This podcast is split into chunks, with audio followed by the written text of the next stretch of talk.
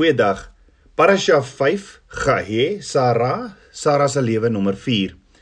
In Genesis 24 sien ons 'n lang en gedetailleerde verhaal oor die reis van Abraham se dienaar Eliezer om 'n vrou vir Abraham se seun Isak te vind.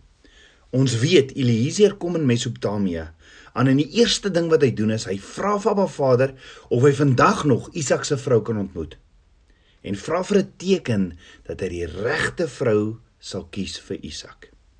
Eliezer ken Abba Vader soos 'n verbondsvernoot in alles en is afhanklik van Abba Vader, die groter verbondsvernoot, om hierdie matchmaking te doen.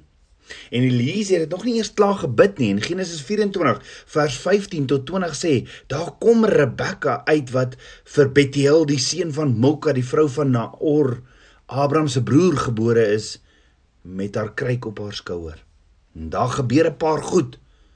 Vandat Eliezer in Mesopotamië kom, maar jy geweet al die gebeure word twee keer opgeskryf in Genesis 24? En die vraag is, hoekom? En dan gee Abba Vader vir ons in sy woord soveel inligting of detail. Ons hoor onder andere in detail van Eliezer se reis, sy 10 kamele, hoe Eliezer vir Abba Vader vra vir die regte vrou vir Isak, hoe hulle ontmoet en hoe sy hom en die 10 kamele bedien, vir hulle water gee met 'n diensbare hart en hoe Eliezer weer bid uit dankbaarheid. Ook hoe hy al die geskenke saamgebring het vir die toekomstige bruid van Isak. En die vraag is, hoekom al hierdie detail? Hoekom word daar nie net vir ons vertel Eliezer het eintlik vir Isak se vrou uiteindelik vir Isak se vrou gekry, Rebekka nie? Dan hoor ons ook van al hierdie detail, maar twee keer. En die woord vertel vir ons alles wat gebeur het en dan gaan Eliezer na Rebekka se huis toe en dan vertel Eliezer alles wat gebeur het weer vir Rebekka se familie.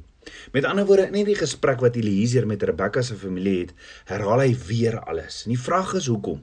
Ek meen daar kon net gestaan het en toe vertel Eliezer vir Rebekka se familie presies hoe hulle ontmoet het en wat gebeur het. Hoekom weer al hierdie detail herhaal? Is dit moontlik dat Abba Vader ons dalk iets baie baie belangrik oor die bruid van Yeshua leer? Want sien sommige ander goed in Abba Vader se woord is weer nie so in detail nie, soos byvoorbeeld Sara se dood. Dis nie in soveel detail vir ons gegee nie. So hoekom sal soveel detail byvoorbeeld in Genesis 24 vir ons dan nou nog gegee word en dan twee keer vertel word? Dan selfs toe Rebekka by haar huis kom na die ontmoeting met Eliezer, dan sê die woord in Genesis 24 vers 28, daarna het die dogter geloop en in die huis van haar moeder vertel wat daar gebeur het. Met ander woorde, die woord gee glad nie vir ons Rebekka se weergawe nie. Net sy het dit alles aan haar familie vertel. En dis dit want ons as leser weet mos wat gebeur het. Maar die vraag is hoekom toe Eliezer voor die familie verskyn, toe word alles weer in detail vertel. Die punt is, dit is duidelik dat Abba Vader hierdie verhaal vir ons doelbewus weer vertel. Met ander woorde, Abba Vader is besig om die bruid van Yeshua iets te leer en daarom al die klem. Nou hier is die ding.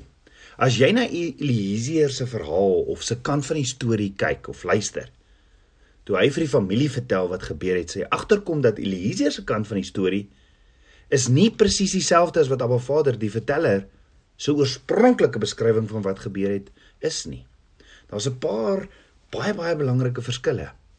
Ek glo hierdie verskille is daar want Abba Vader wil ons as die bruid van Yeshua iets baie baie belangrik leer. Want sien daar is 'n geheimenis opgelê in hierdie verskille en wanneer Abba Vader ons hier hierdie kom leer is dit soos vars manna vir verborgde manne want wat wat hy vir my en jou wil gee.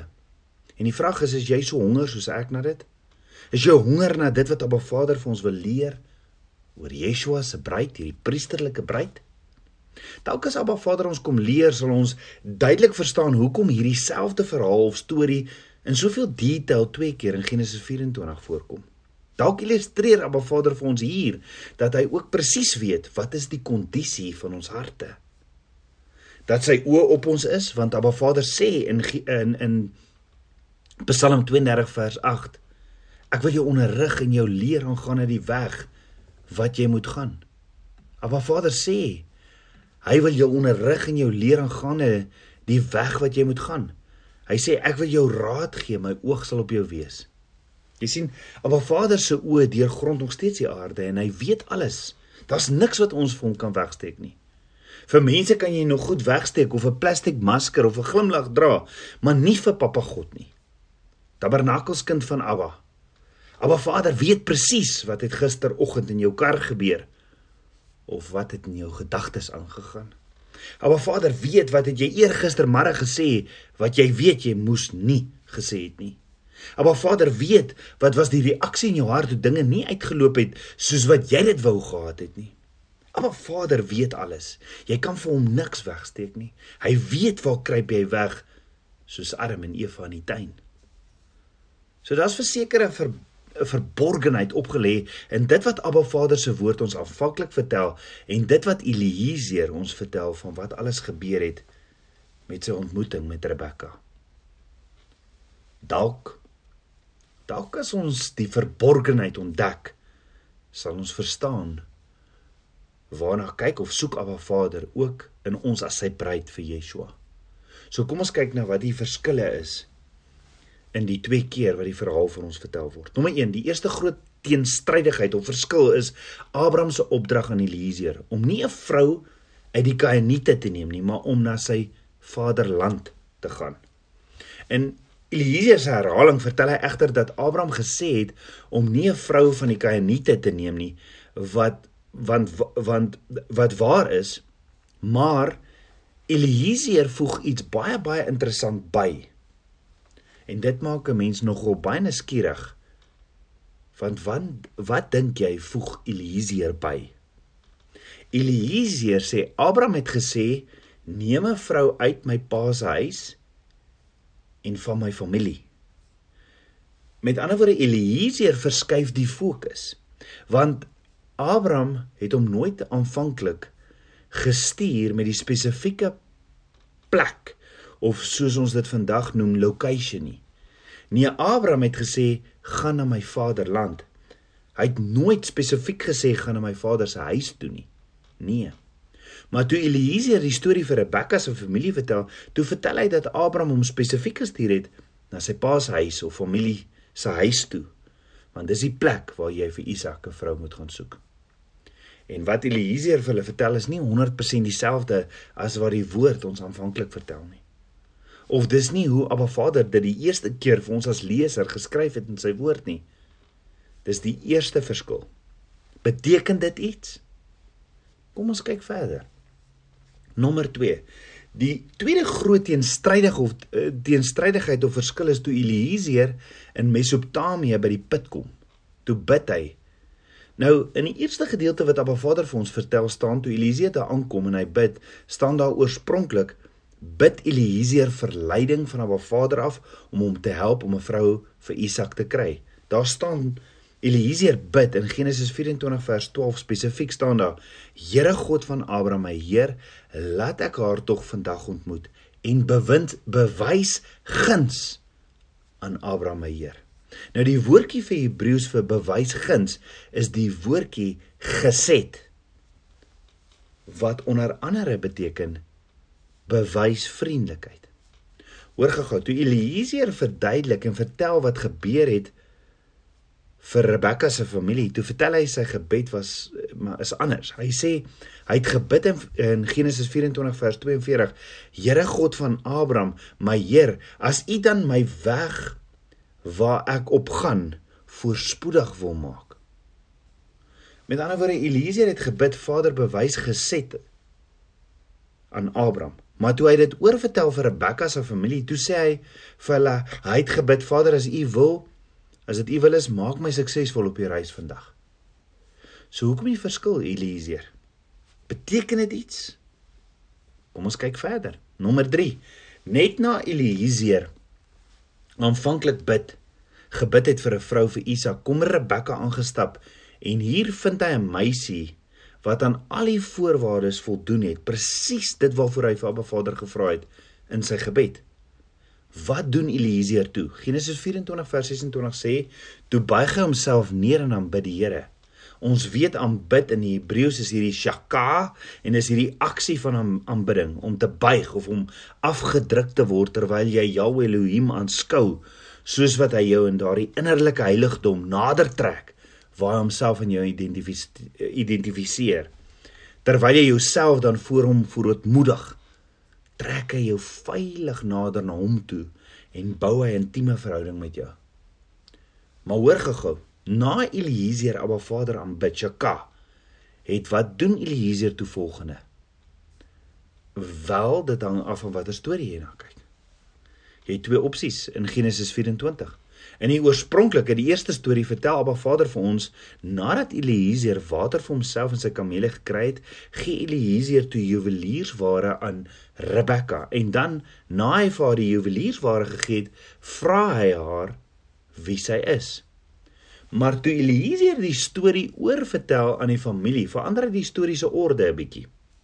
Nou sê Eliezer vir hulle, hy het eers gevra wie sy is en toe gee hy vir haar die juweliersware. Hoekom? Dis amper asof hy hulle laat verstaan hy wou eers hoor sy is familie van Abraham en toe gee hy die geskenke. En die vraag is hoekom? Hoekom verander Eliezer die volgorde? Beteken dit iets? Kom ons kyk verder. Nommer 4. Die vierde groot teenstrydigheid of verskil is in Eliezer se gebed. Dis toe Eliezer Abba Vader bedank of geshaka of aanbid het dat Abba Vader hom gehelp het om hierdie perfekte vrou vir Isak te vind.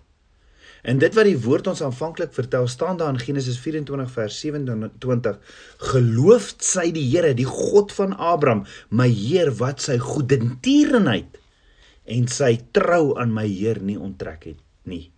Wat my aangaan, die Here het my op die weg gelei na die huis van die broers van my Heer. Hoor gou gou die woordjie in Hebreëus vir goedertierenheid in sy gebed is die woordjie ook geset. Selfde geset as vroeër. Toe Eliezer die storie oorvertel, toe vertel hy hy hy, hy het gebid en hoor mooi, want die gebed verander. Want nou in Genesis 24 vers 48 sê hy vir die familie en ek het my in die aanbring neergebuig voor die Here en die Here geloof die God van Abraham my Heer wat my op die regte weg gelei het om die dogter van my Heer se broer vir sy seun te gaan haal. So Eliezer sê ek het God geloof die God van Abraham my Heer wat my gelei het in die pad van die waarheid. Met ander woorde Eliezer los 'n baie baie belangrike woord uit, die woord geset. En soos ons nou al gesien het, is dit die tweede keer dat hy hierdie hierdie spesifieke woord uitlos as hy met Rebekka se familie praat. So Eliezer voeg nie net 'n paar dinge by nie, hy los die woordjie geset ook uit. So is dit omdat Eliezer 'n slegte geheue gehad het dat hy dat hy nie presies kan onthou wat gebeur het nie? Of wat as Eliezer 'n gawe van die Heilige Gees tentoonstel genaamd die gawe van onderskeiding. So om oor te ponder, wat is die gawe van onderskeiding? Is dit iets wat ek en jy ook kan voorvra of kan kry?